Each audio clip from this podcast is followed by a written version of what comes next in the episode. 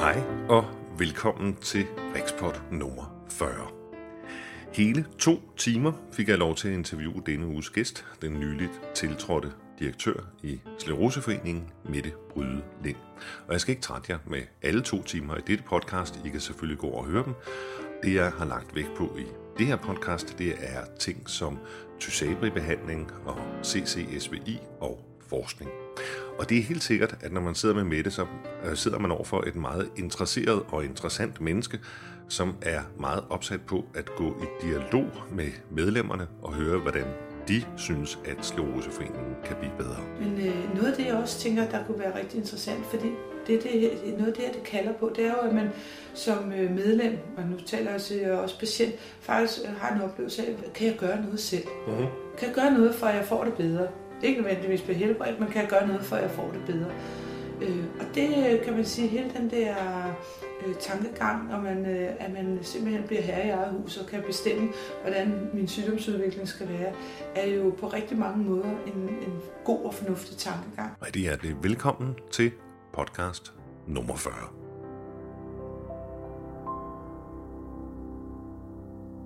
thank you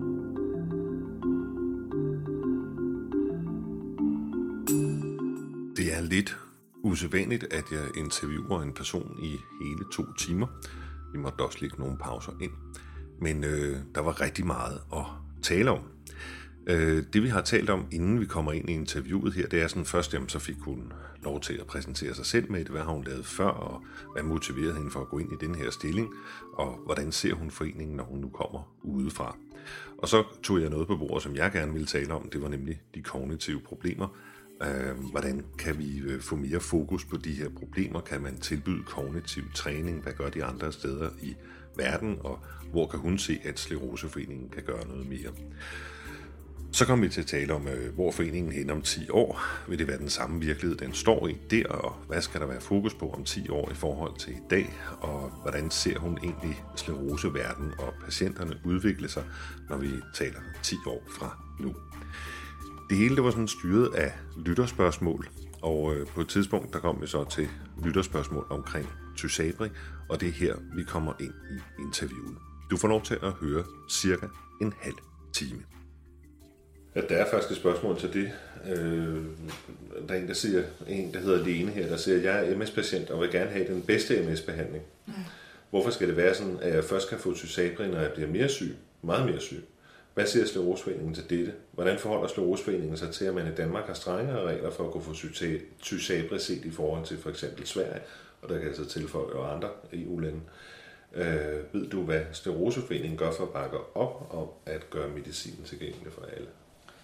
Øh, jamen, men, men man kan sige, i sig selv er det at gøre medicin tilgængelig for alle ikke øh, det, det er ikke nødvendigvis den rette vej, fordi det er ikke alle, der skal have for eksempel Tysabri. Nej, men så for alle dem, der har behov for det? Ja, men, ja, og i forhold til dem, der har behov for det, der, der tænker jeg egentlig, at øh, jeg, jeg, jeg, jeg har jo været rundt på de neurologiske afdelinger, og jeg taler faktisk også rigtig meget øh, med patienterne. Jeg spørger også til neurologerne, er der mange, de afviser i forhold til, til at give Tysabri, hvis, øh, at det er, hvis den medicin, de ellers får, ikke virker. Øh, og der kan man sige, øh, øh, det er det ikke. Det er ikke første gangs første valget øh, til SABO. Det er det ikke, fordi man jo har været bange for de øh, øh, beskrevne bivirkninger, der har været med medicinen. Men, men øh, man kan sige, øh, øh, et eller andet sted, så, så tror jeg, Øh, der er to ting, der blandes sammen i det spørgsmål, fordi vi kæmper klart for, at alle får mulighed for Tysabra, hvis det er den behandling, de skal have. Mm. Og vi mm. kæmper faktisk også for, at man kan få det øh, på alle vores øh, skleroseklinikker eller øh, neurologiske afdelinger rundt i Danmark, fordi der sidder der rent faktisk specialister i lige præcis sklerose.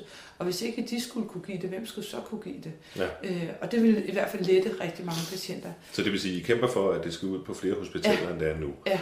Fordi der er det jo kun på 3-4 stykker, ikke? Ja, fire. Men, men de kriterier, man skal opfylde for ja. at kunne komme i betragtning til Tysabri, de er jo væsentligt anderledes i Danmark, end det er i andre lande.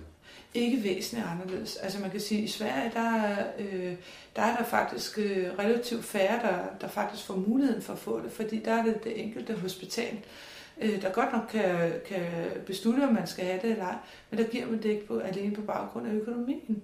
Så der er der hospitaler, hvis de er økonomisk lidende, som simpelthen slet ikke øh, peger på den øh, mulighed som behandling. Altså de peger på det i en langt færre øh, udstrækning. Så, så, men vi er faktisk rigtig interesserede i den her del af det, så vi er gået sammen med vores øh, nordiske søsterorganisationer, og vi prøver at pege på, øh, om man kan lave en eller anden form for undersøgelse, der rent faktisk virker, viser, at hvis man får Tysabrin på det rigtige tidspunkt, øh, at så kan man for eksempel bevare tilknytning til arbejdsmarkedet, ja. eller i hvert fald få et højere funktionsniveau.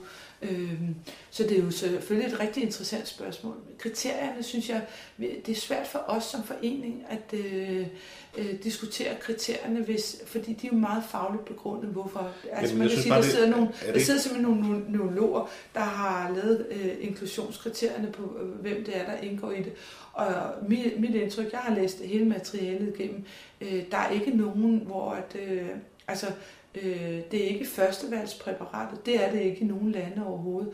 Øh, men, men til gengæld, så, så er det helt klart valget, når, når der er nogle andre præparater, der ikke virker. Og det, som vi kan høre neurologerne, den bekymring, der var i starten, for eksempel for, gud, hvad med bivirkningerne, øh, det er fjernet i Danmark i dag. Man tror simpelthen ikke på, altså man ved, at det selvfølgelig er en risiko, men man ved også, hvordan man så i givet fald skal behandle det. Altså de fire steder, der i dag behandler, har en rigtig høj øh, viden og erfaring nu mm. øh, med at behandle. Og... Jo, jo, man kan også gå ind og screene for, ja. altså det vil sige, så, så vi nedsætter hele ja. tiden far. Ja.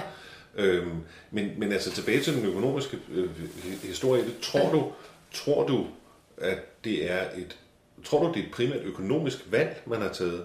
Nej, neurologerne træffer lov, at det vil sige. Det er noget af det, som jeg så bider dem i haserne i forhold til, om de kunne finde på at, at, at pege på et billigere præparat, øh, for at, øh, eller være med til at godkende et billigere præparat. Mm. Øh, øh, og det det, det gør de simpelthen ikke. Det er de faglige øh, kriterier, de ligger til grund for behandling. Så der står du på også, Sundhedsstyrelsen? Ja, nej, jeg ved ikke, om det står på Sundhedsstyrelsen, men jeg stod der på vores neurologer, som er, øh, som er med til at indstille til, ja. øh, til... Det, der jo er problemet, det er jo, at det er politikerne, der træffer beslutninger om, hvad er det, om man vil følge øh, Sundhedsstyrelsen og de her forskellige øh, fageksperters øh, råd om behandlinger. Men hvordan kan det være, at den er forskellig i Danmark? Det er det, jeg ikke forstår. Altså, er det så, fordi de har fået nogle andre indstillinger, eller er det, fordi neurologerne i Danmark mener noget andet? Nej, jeg tror, jeg tror faktisk, man har ens øh, kriterier for at behandle, men man har meget, meget forskellige behandlingssystemer øh, i Sverige og i Norge øh, og i resten af øvrigt også i Europa. Øh, og der, hvor det, hvor det bliver den enkelte hospitalsøkonomi, mm. men der, der er det klart, at der, der vælger de øh, at se på, om øh, man kan finde en billigere behandling. Kan jeg ikke sige som sklerosepatient, lad os nu bare sige, at, at jeg godt kunne tænke mig at få Tysabri, øh, og at øh, det så var blevet afslået. Jeg var simpelthen ikke syg nok. Beskeden er jo fuldstændig åndssvag, ikke? Altså, ja. vent på, at du får det værre, så kan du få det, ikke? Ja. Kunne jeg så ikke tage til Sverige og få det? Øh, nej, det kan du ikke. Øh, det, det, det kan du ikke, men det, det du kunne gøre, hvis det er, at du er i tvivl om, om det rent faktisk har vurderet dig rigtigt, det er til gengæld, at der kunne du kontakte foreningen, fordi vi har jo faktisk en, øh, en, en mulighed for at, øh, for, at man får lavet en second opinion hos os, øh, via en af neurologerne. Øh, og, og netop det du siger, jamen hvis jeg nu Øh, øh, lige præcis ikke har øh, haft nok attacker for eksempel mm. til at få øh, behandling, øh, så kan, så kan øh, øh, den pågældende jo være med til at beskrive, hvad er det for nogle ting, der har været gjort op til, og hvorfor er det, som at du egentlig ønsker et præparatskifte. Mm. Øh, der må være noget, der har udløst den del af det, fordi hvis du har det godt med den medicin, du havde foran, så vil man formentlig ikke bede om et, øh, et mere potent stof. Øh, og derfor så, så kan vores øh, neurolog, øh, som, som vi har øh, ansat fem timer om ugen, kan lave den her, være med til at lave den her second opinion. Øh, og det kan jo også, øh, altså det kan også hjælpe i alle mulige andre sager. Altså noget, noget af det, som, som, som slår mig, og som jeg ikke ved, om, om en interesserer i slåsvinding, det er sådan noget med, at, at hvordan man fastslår kriterier for, hvor langt er sygdommen. Altså, hvad er det, man går ind og måler på? Er det er det livskvalitet? Er det antallet af attacker? Er det målbare plakke i hjernen? Hvordan fanden er det, at vi egentlig ja. definerer, hvor syg er en person? Ikke? Ja. Altså, jeg har lige haft fire attacks, og har fået en scanning efter, jeg havde en scanning før. Der er ikke noget plak på min Nej. hjerne, men jeg har haft fire attacks. Altså, Ja. jeg har været nede og bide i græsset fire gange, Ja. men den har ikke været målbar. Nej. Øh, og så sidder man sådan lidt og siger, nå, men er det, så, er er det så er det bare noget, jeg forestiller mig, eller hvad, ikke? Altså, hvor, hvor, hvis man skal definere sygdommen på baggrund af, hvor meget plak der er i hjernen, så vil det give et billede. Ja. Hvis man skal definere på baggrund af, hvor mange attacks man har, vil det give et helt andet billede. Øh, kan du følge med i den her Ja. debat? Sagtens, sagtens, at det, at det er Og faktisk det er jo store... Sundhedsstyrelsens Ja. ja. kæphest. Det er i det her tilfælde synlig plak i hjernen. Ikke? Ja. Godt, så kan du få noget tysabre. Og, og det er jo et af de store diskussionspunkter, øh, og det er jo noget af det, vi støtter i forskningen af, at der sidder en, der forsker i øh, de her scanninger, fordi det viser sig, at man måske skal scanne på en helt anden måde. Ja, på riget. Øh, ja, Ja. Øh, så, så, så man måske, øh, dels så finder man nogle helt andre øh, steder, hvor pla- plakken sidder. Øh, det er den ene del af det. Og det andet er måske også, at attackerne først efterfølgende, altså der kan godt gå noget tid, før de rent faktisk kommer. Så der, er, der, der forskes rent faktisk i den del af det. Og så kan det jo ikke når man bruger det som et parameter øh, for at komme hvor alvorlig sygdom er. ja, øh, i tysabehandling. Men kriterierne, altså desværre kan man jo ikke tage en blodprøve og sige, nu ligger du inden for det og det område, så er det det, vi kalder der middelsvær syg eller et eller andet. Mm. Det er et, man kan jo kalde det et syndrom, at have sklerose er et syndrom, fordi det er et samme, øh, kan man sige, Fald fald. af rigtig mange faktorer. Ja, Men- og det, og det er noget af det, som jo sådan nogle øh, krikiler, hvis, nej, det vil jeg ikke kalde dem måske, men, men, men, men folk, der godt kan lide at have sådan nogle meget klare øh, kriterier for at dømme ind og ude, hvis man kan sige sådan, Mhm. de bryder sig jo ikke om syndromer, fordi Nej. hvordan vægter jeg så de forskellige symptomer i forhold til hinanden?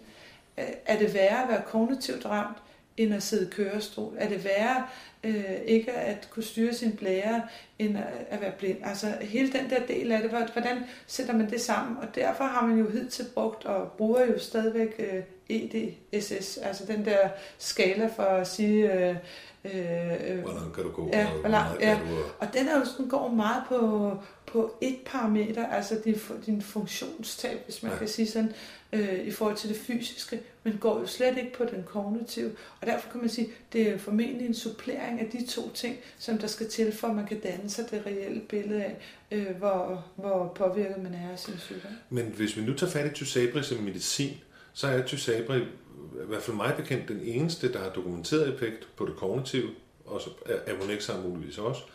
Øh, og den, det er vel også den eneste, der har en overbevisende effekt på at forhindre, at sygdommen skulle blive værre. Er det så ikke indlysende at sige, når man så går Scleroseforeningen ind og kæmper for Tysabri til alle? At dem, der vil have det, Altså, så må man jo sige, så må man tage udgangspunkt i, hvad patienterne ønsker, og hvis de vil have det, så går vi ind og kæmper for, at de får det. Fordi Jo, vi kan jo ikke måle os frem til, det er jo det, det, du siger, vi kan jo ikke måle os frem til, hvem det er, der skal have det. Nej, altså man kan sige, det der, jo, vi kæmper også for det, hvis man kan sige sådan, men ikke kun som det eneste valg, fordi der er rigtig, faktisk rigtig mange, som har, øh, øh, har nogle, øh, nogle rigtig gode forløb på, på nogle af de andre præparater. Mm-hmm. Øh, og, øh, altså for eksempel så hørte jeg øh, i går om nogen, Øh, hvor at øh, nogle studerende, de havde, øh, der, der var nyt diagnostiseret, de havde valgt, øh, at de ville have Copaxone, fordi øh, det er godt nok, så tager det lang tid, før det rent, reelt virker. Der kan gå et helt år, før du får øh, effekten af det. Til gengæld så er det uden bivirkninger. Og de magtede simpelthen ikke, mens de var studerende, at have alle de mange bivirkninger øh, ved, ved nogle af de andre præparater. Og derfor så havde de valgt øh, det. Øh, men, men jeg tror, det er, en, øh, det er forhåbentlig en kombination af faglighed og den enkelte patients øh, Der kan være mange Øh, grunde, ja, altså, og specielt når der som, kommer... som skal betyde, at man træffer valget. Øh, øh, og det, det tror jeg er den allervigtigste parameter, det er, at man stadigvæk også har indflydelse der, og det er et fagligt skøn, der ligger til grund. Det værste, der kunne ske, det er, at det er rene restriktioner om præparatvalg alene på baggrund af økonomi. Jo, altså for eksempel så er det lammende, at, at, at, at hvis jeg øh, bor i Nordjylland, så kan jeg få tilbudt en form for medicin, og når jeg bor i København, så vil jeg få tilbudt en anden. Den i Nordjylland, den koster det halve, men den er også kun halvt så effektiv. Ja. Altså, det skulle da hul i hovedet. Og det, det er jo derfor, vi kæmper og har været øh, sat fokus på den her del af det. Øh, jeg tænker, at jeg regner med, at det du taler om, det er Extavia-behandling øh, frem for de andre øh, immun, øh, immunmodulerende præparater. Og man kan sige, øh, det er noget af det, vi har diskuteret meget, og det har også, vi har også været, øh, kan man sige, øh, prøvet at blive klogere på, hvorfor er der overhovedet nogen, der kunne begynde at bruge det som øh, første valg, når man ved, at, øh, at man danner flere antistoffer mm. øh, på Extavia. Øh, men øh, man kan sige, at det er, det er en af de store diskussioner. Det er også derfor, vi venter meget, meget spændt på, hvad der kommer ud af det her udvalg, der er nedsat. Øh, vi har prøvet så at få indflydelse via et brugerperspektiv. Øh, og det har man sagt, at vi skulle ikke være høringspart, for vi kunne ikke blive hørt på noget, der var havde med så højt fagligt niveau. Det var vi ikke, øh, havde vi ikke kapacitet Nej, det havde jeg ikke forstand på. Nej. Og så sagde vi, at vi synes det stadigvæk, at det var relevant at have et øh, brugerperspektiv i den her del af det. Øh, og øh, de er så gået med til, at, øh, at øh, vi er danske patienter, at vi mødes, øh, jeg mener det er repræsentanter for Gigforeningen, og så er jeg med fra Skleroseforeningen, som mødes med Svend Hartling, som er formand for øh, det råd, som hedder RALS, altså Rådet for Salledyr, øh, for anvendelse af salledyr og sygehusmedicin. Og øh, der er det jo, vi vil fremføre blandt andet øh, hele brugerperspektivet. Mm. Men de har jo ikke rigtig noget forskning at komme med. Altså, hvis det var sådan, at I kunne komme med noget forskning, der viser, at der rent faktisk er et økonomisk perspektiv i at give den dyre medicin, fordi samfundet så sparer nogle penge hen ad vejen. Mm-hmm. Mm. Nej, vi har ikke langt nok, der er ikke langt nok tids effekt på det, fordi at noget af det her øh, samfundsøkonomisk, hvis du kan bare holde øh, folk ude for eksempel to år, mm. øh, fra, kan man sige, overførselsindkomst, altså offentlig forsørgelse, jamen så er der jo så er der hentet rigtig, rigtig mange penge på den lange bane her. Men det er forskellige økonomiske kasser, ja. og det er den sværeste problemstilling i forhold til den her del af det. Mm. Det jeg tænker på, det er, kan Sleroseforeningen godt gå ind og påtage sig den rolle at sige, at nu vil vi kæmpe for en bestemt medicin? Det kan vi sagtens. Altså, øh, forstået på den måde, altså det er ikke det er indholdsstoffet, altså vi vil kæmpe for. Vi vil ja. typisk ikke kæmpe for, øh, for en, et specielt, øh, hvad skal man sige, præparat for en speciel øh, medicinalvirksomhed. Øh, men vi kan kæmpe for, for præparatet, altså for indholdsstoffet. Øh, nu er det bare sådan, at der er jo ikke andre, der Nej, der er kun én. Ja. ja. Lige nu ja. i hvert fald. Ja. Jamen altså, øh, en her, der hedder Peter Teklev, han spørger, kan man stole på, at I er 100 upartiske, eller 100% upartiske i jeres rådgivning, når I er støttet af medicinalbranchen, der udvikler medicin til sklerosepatienter? Jamen, vi er 100% øh, upartiske i forhold til den del af det, fordi jeg tror faktisk, det er en misforståelse. Mange tror, at vi får rigtig mange midler fra øh, medicinalvirksomheden, men vi har faktisk et etisk øh, regelsæt, øh, og, som gør, at vi vil ikke øh, kun formidle, øh, medicin, eller formidle viden og information, som er relateret til de forskellige medicinske præparater, som og derfor så har vi simpelthen valgt at have en, øh, et regelsæt, som siger, at øh, vi vil være upartiske i den her øh, rådgivning, vi øh, laver. Og det gør også, at øh, vi skal hente pengene mange andre steder fra. Og det vi henter penge med, det er jo noget helt andet end fra medicinalvirksomheden. Hvor mange, hvor mange procent af, af, af jeres budget stammer fra medicinalvirksomheden? Jamen det er ikke procent, det er promille øh, i virkeligheden. Vi får... Øh, Øh, sidste år fik vi omkring 300.000 øh, for øh, medicinalvirksomheder, øh, og i år bliver det formentlig væsentligt lavere, fordi vi har gået ind og sagt, at vi ikke vil øh, have de her øh, store informationsdele på for eksempel vores hjemmeside, og det gør så, at øh, det er begrænset. Det er til nogle helt konkrete ting, som øh, medicinalvirksomhederne støtter, og der er det helt tydeligt, når det går ind i forhold til den del af det. Øh, kan du forstå, at der har været den der, altså Jamen, jeg kan sagtens forstå øh, øh, den del af det, og øh, at, at man faktisk øh, øh, bliver bekymret. Er det nu medicinalvirksomheden, der taler her, eller er det øh, i virkeligheden Sklerosforeningen? Øh, og det, det er faktisk derfor, vi har været nødt til at være meget mere skarpe og har underskrevet øh, bedt de virksomheder, vi samarbejder om, at underskrive en samarbejdsaftale, øh, hvor vi har tydeligt gjort det her. Når jeg går ind og kigger på de læger, der sidder i Slåsforeningen, ja. altså også dem, der sidder i bestyrelse og så videre, ja. og dem, I vælger at lytte til, ja. som, som jeres primære læge, ja. så kan jeg også samtidig gå ind og så se, hvor mange penge får lægen fra medicinalindustrien. Ja. Og det er en betragtelig del.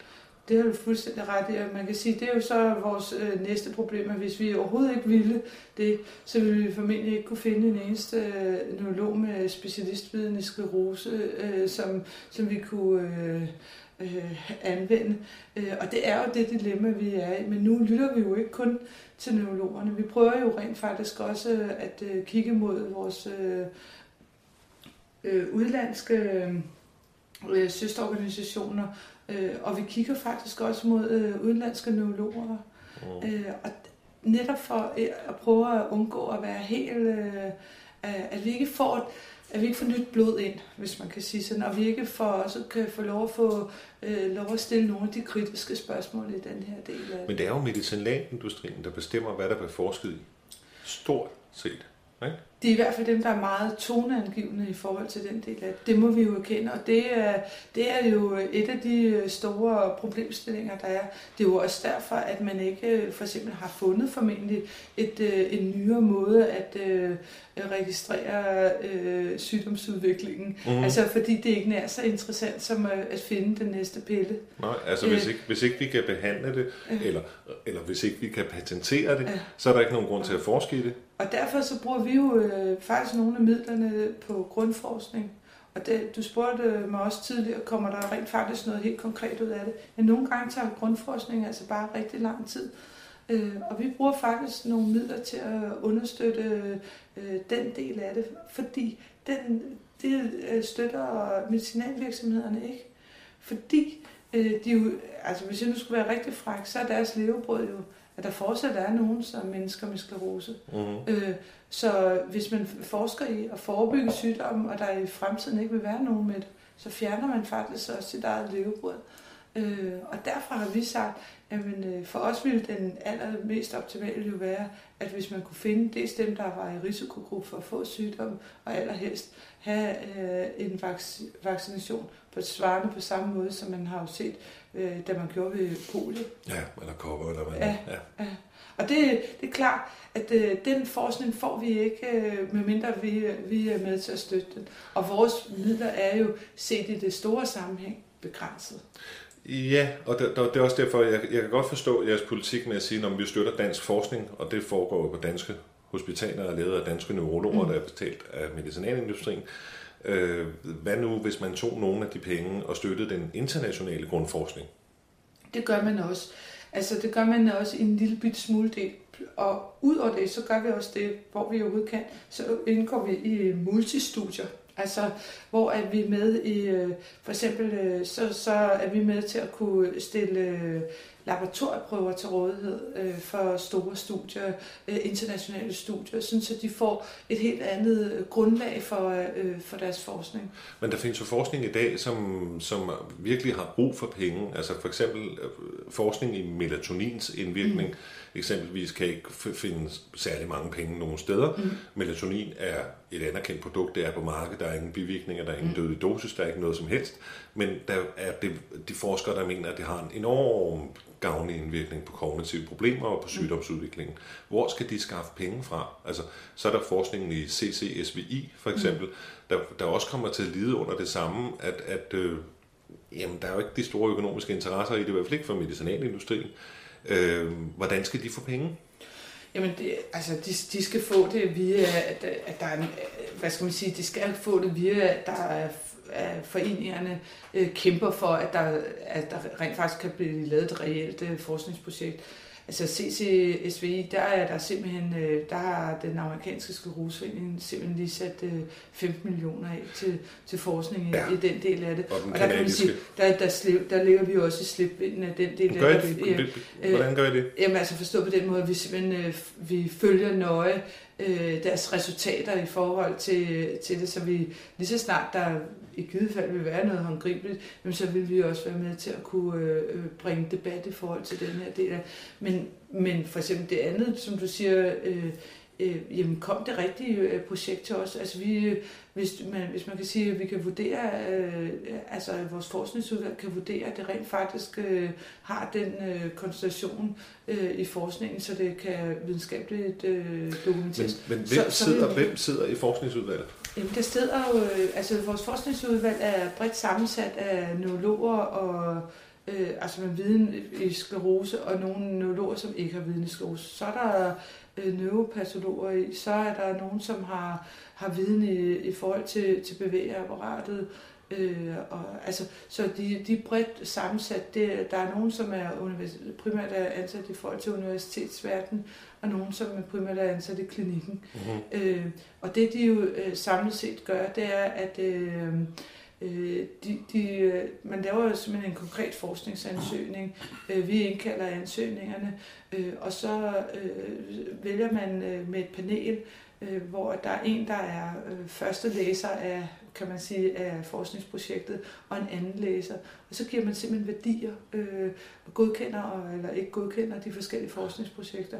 Og så, øh, så bliver de fremlagt, og så prioriterer man øh, øh, midlerne i forhold til den del af det. Men hvis jeg nu skulle være rigtig ond, ja. så vil jeg sige, hvis, hvis jeg sidder i det forskningsudvalg og er neurolog, og, og måske mere eller mindre finansieret af medicinalindustrien, i, i hvert fald i mm. mine forskningsprojekter, så vil jeg sgu da ikke gå ind og sige, at øh, I skulle støtte et projekt, der for eksempel registrerede alle danskere, der havde gennemgået en CCSVI-behandling, og følge dem og og øh, altså, monitere dem fremover osv. Det ville jo være et godt forskningsprojekt, sådan rent grundforskningsmæssigt, for at se, om, om CCSB-behandling har en effekt. Men jeg vil da ikke sidde der og så sige, at det synes jeg, altså det er jo næsten det samme som at gøre mig selv arbejdsløs. Altså, sådan tror jeg ikke, øh, fordi så vil man lige præcis derfor ikke at kunne komme ind i det, vælge at øh, første behandleren og anden behandleren på, på den øh, forskningsansøgning netop ikke er, øh, har de øh, interessekonflikter. Og det kan vi godt med det forskningsudvalg, vi har i dag. Det er bredt nok sammensat. Ja, det er bredt nok sammensat ja. til den del af det. Og så gør vi så også det, at vi... Øh, øh, for, for ligesom ikke, at det bliver for meget andet dam i det, øh, får nogle øh, eksterne til at øh, vurdere vores øh, øh, forsknings, øh, dels hvad det er for nogle forsknings, kan man sige, projekter der er, og resultaterne af dem, øh, lever det op til internationale øh, hvad hedder det, standarder, og det får vi simpelthen nogen udefra til at gå ind og vurdere den del af det. Men, men altså og så kan du sige, at det kommer også fra forskerverdenen, ja. ja. Men, det, men, men det problemet er, at øh, så kan det ikke lade sig gøre, fordi nej, nej. Altså, hvor, at, hvor det, er den, det, det er de ypperste af de ypperste, og der kan man sige, jamen jo færre, der er en kreds, øh, der kan det, ja, og det må mm. vi så leve med. Øh, men, men i udgangssituationen må man vel også tro på, at, at selv neurologer er mennesker og har en interesse i at, at være med til at, at finde, finde nogle af de bedste løsninger. Jeg har ikke mødt nogen endnu, der trods alt har været så tilpas i lommen, så de har sagt, nej, jeg, for, jeg vil hellere hytte mit eget, end jeg vil, vil finde gåden. Jeg tror, for dem ville det også betyde noget. Ja, neurologer er også mennesker. Det, ja, skal, det, skal vi det kan du godt skrive ned ja. Nej, men jeg tænker på, altså, der var så meget røre i England. Ja. Øh, Sklerosforeningen gik ind og spillede en aktiv rolle i mm. at, at, at, at kæmpe for, for det her forskning om CSB ja. udbredt. Øh, I Skotland, i Kanada, i USA. Mm. Øh, Kuwait, øh, den, altså ja. den kuwaitiske stat har gået ind og sagt, ja. at de vil tilbyde behandling. Ikke? Øhm, og jeg synes, at I passer lidt, men, men det I måske kunne gøre, det var da at sige, nå ja, men hvor mange danskere har gennemgået behandling? Hvem er de? Hvor er de i deres sygdom? Hvem følger dem? Øh, og få, få neurologer til at gå ind og, og, og undersøge dem. Øh, altså, om ikke andet så dokumentere de resultater, som, som, som, som kommer til at opstå her i landet. Ja, ja jamen det, det, det kan du selvfølgelig have ret i. Altså det vi har gjort, det er sådan set at, at prøve at sige, men, øh, hvor vi vil gerne have noget viden i første omgang om, omkring det. Altså øh, der kommer jo rigtig mange ting, som er hipt, og det her det har så vist at blive rigtig øh, stort, og rigtig mange har interesseret. Det vi så har valgt at gøre, det er jo simpelthen at lave temanummer. Først så gjorde vi det på nettet for at få det mm. lidt hurtigere ud, og så har vi så også valgt at have temanummer i det. Vi har jo også været med, at der har været en artikel i ude hjemme, hvor vi også har kommenteret. Altså det er bare for at sige, vi har været bredt omkring i forhold til den her del af det. Øh, det vi ikke har gjort, det er, at vi har ikke, øh, altså nu er vi jo midt i et år, så vi har ikke sat øh, ekstraordinære midler af til at kunne sige, øh, skal vi følge de her patienter, og specielt skal vi finde en neurolog, der gerne vil gøre den her del af det og lave de her undersøgelser. Øh, fordi at øh, det har der simpelthen ikke været, øh, altså det har der ikke engang været belæg for at gøre i USA endnu. Man havde, man havde faktisk forventet rigtig meget af, øh, Toronto-konferencen, øh, og øh, egentlig troede vi der, at vi ville have fået nogle lidt stærkere pejlemærker i retning af, at det her det er måske den fremtidige behandling. Ja. Øh, det blev så dømt ude, kan man sige, på den øh, konference, og gudskelov, så, så er der jo, øh, kan man sige, nogle andre kræfter, altså der må vi sige, der kan de rykke på en anden måde i USA, ikke? Øh, at man nu siger, vi sætter altså penge af, men vi gør det centreret, og formentlig så får de et helt center, øh, der, der simpelthen kan lave nogle af de her øh, øh, reelle opfølgninger. Noget af det, som vi jo i hvert fald har, vi har talt med en, øh, en, doktor i øh, New York, øh, øh, Scafani, han, øh, han siger sådan set, at øh, hvis man skal gøre det rigtigt, øh, så skal man ikke bare, altså man skal selvfølgelig scanne før og efter man, man laver indgrebet, men man skal formentlig øh, øh scanne igen øh, allerede efter to til tre måneder. Og han mener, at nogen vil skulle have lavet øh, indgrebet øh, cirka hver anden tredje måned. Øh, og det er jo en helt anden problematik, øh, man, man egentlig rejser der. Ja. Øh, og, og det er klart, at øh, altså vi, der har været meget spredt viden, og der har været spredt, det har effektet i rigtig mange retninger. Og det gør også, at vi som forening, vi, det vi kan gøre lige nu og her, det er, at vi kan samle viden. Men det er klart, i det øjeblik, at vi får nogle indikationer af, at vi, hvor man siger, at nu er det go eller no go, så er det klart, så kan vi bedre øh, rette os efter det. Vi håber jo også stadigvæk på, at det kunne være en, en mulighed. Det, der jo desværre viser sig, øh, det er jo, at øh, eller det helt store problemstilling i forhold til det, det er, at øh, øh, det, har, det at få kan man sige, åbnet venerne i sig selv ikke øh, øger blodflowet i hjernen. Øh, og det, det kan man sige, det er, jo, øh, det er jo noget af det, der er problematisk. Omvendt har vi jo simpelthen de patienthistorier nu, uh-huh. som jo som rent faktisk viser, at man har fået det markant øh, bedre. Og det er jo lidt interessant. Det er jo noget af det, vi gerne vil følge. Fordi hvis det er, at man subjektivt får det bedre, jamen, øh, øh, hvad, hvad skal der så til for, at det bliver den behandling, som der, der skal være fremtiden? Det, som jeg tænker det på her til slut, det er, øh, kan, kan du se nogle områder i dag, hvor du ligesom vil sige, at her, her, der, her der svigter vi, eller her, her der skal vi gøre det bedre, når vi, når vi taler om, om at varetage medlemmernes interesser? Ja, altså vi, ja, vi, er, det, vi er på mange måder, kan man sige, øh, øh, øh, vi er jo de mennesker, vi nu engang er, og man kan sige, øh, vi forsøger jo at øh, fagne det brede, øh, at, at nå, kan man sige, øh, øh, flest mulige af de medlemmernes øh, problemstillinger. Men, men der, der, der er ingen tvivl om, at, øh, at vi kan blive stærkere og bedre på nogle felter. Øh, vi har jo været inde på det i forhold til øh, øh, hele den kognitive del, at øh, vi får sat fokus på den, får sat fokus på rehabilitering.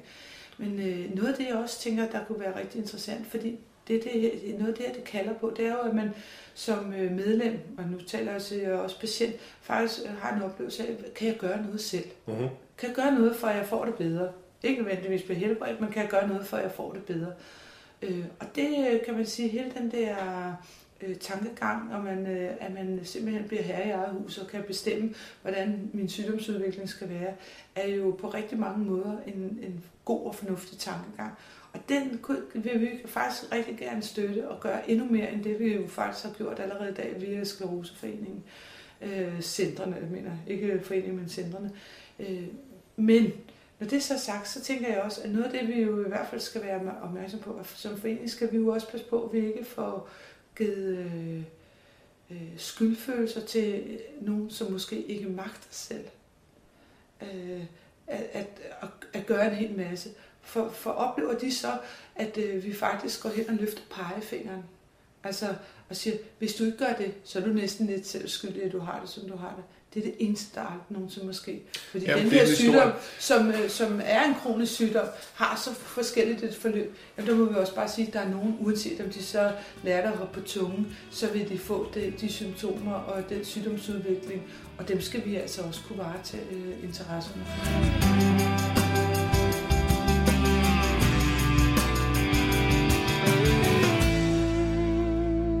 Tusind, tusind tak til Mette Bryde Lind for at ville medvirke i dette meget lange interview på to timer. Som sædvanligt kan du gå over på min hjemmeside. Du klikker blot på den fane, som hedder Media, og så kan du scrolle en lille smule ned på siden, og så skulle interviewet gerne ligge der. Jeg har gjort det lidt anderledes den her gang, fordi interviewet er så langt. Jeg har delt det op i fire bidder. De er altså ikke lige lange, men det er sådan inden for nogle logiske emner, som jeg har forsøgt at samle. Og interviewet, som du hørte her, det er sådan næsten det sidste af den fire portion. Så der er masser at gå i gang med, og det er spændende, både hvis du er medlem af Slåsforeningen og vil vide lidt om den nye direktørs tanker om øh, foreningen, men også hvis du er patient eller pårørende, så tror jeg, du kan få rigtig, rigtig meget ud af det.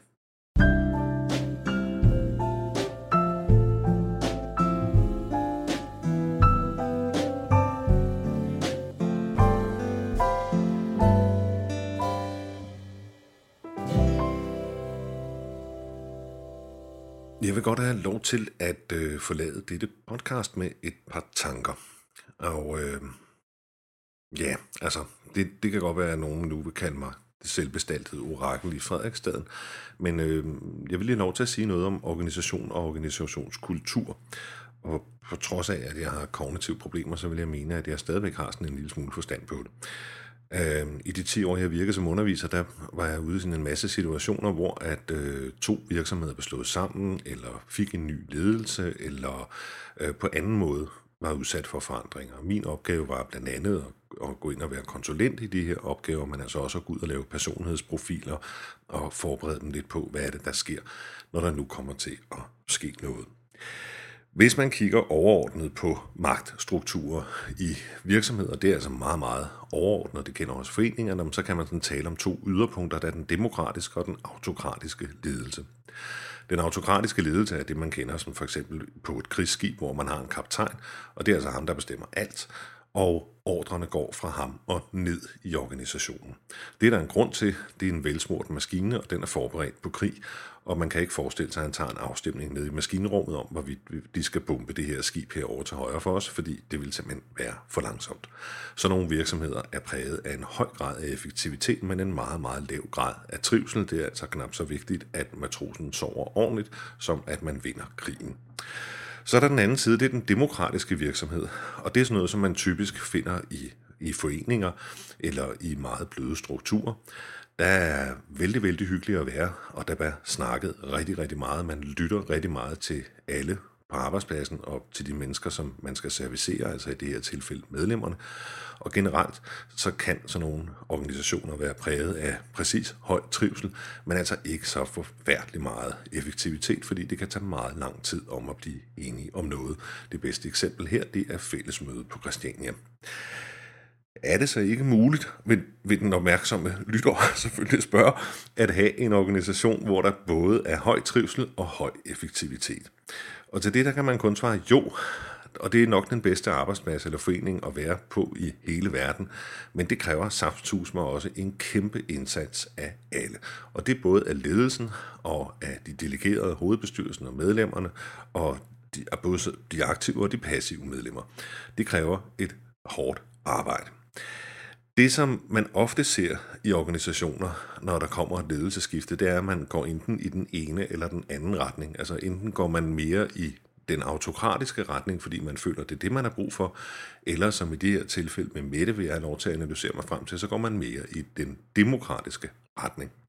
Og det, der ofte kan ske, det er, at med, med altså alle i virksomheden, i foreningen, øh, når der kommer en ny ledelse, så siger man sådan lidt, uh, bliver man lidt usikker og siger, hvad kommer det til at betyde for det område, jeg sidder på? Og øh, det, der ikke måske for Sleroseforeningen nu i hvert fald, det er, at alle bliver paranoid ud og siger, Nå ja, men øh, nu, nu er der kommet en ny chef, og hun er meget, meget, meget lydhør, så nu skal jeg rigtig have kørt alle mine personlige interesser af. Hvis alle gør det på én gang, jamen, så opstår der kun forvirring, og selvom Mette vil være den bedste leder i verden, jamen, så kan hun ikke andet end at undgå at blive upopulær hos nogen, fordi jamen, man kan ikke lytte til alle, og man kan ikke gøre alle gode ting på én gang. Så der skal tålmodighed til i den kære forening, og øh, så tror jeg faktisk, med lidt hårdt arbejde og respekt for den måske nye ledelsestil, jamen så kan foreningen gå en gloværdig fremtid i møde med både høj effektivitet og høj trivsel, og det gælder for alle, også os medlemmer, fordi vi kan sandelig også mærke, når sådan noget sker.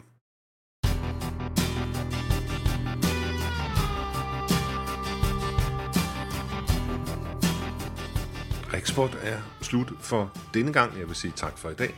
Og øh, lige opfordrer det til, til allersidst at gå over og tage en afstemning, som ligger på min hjemmeside lige til højre for podcastet. Den hedder, hvor burde foreningen først sætte ind med forøget fokus?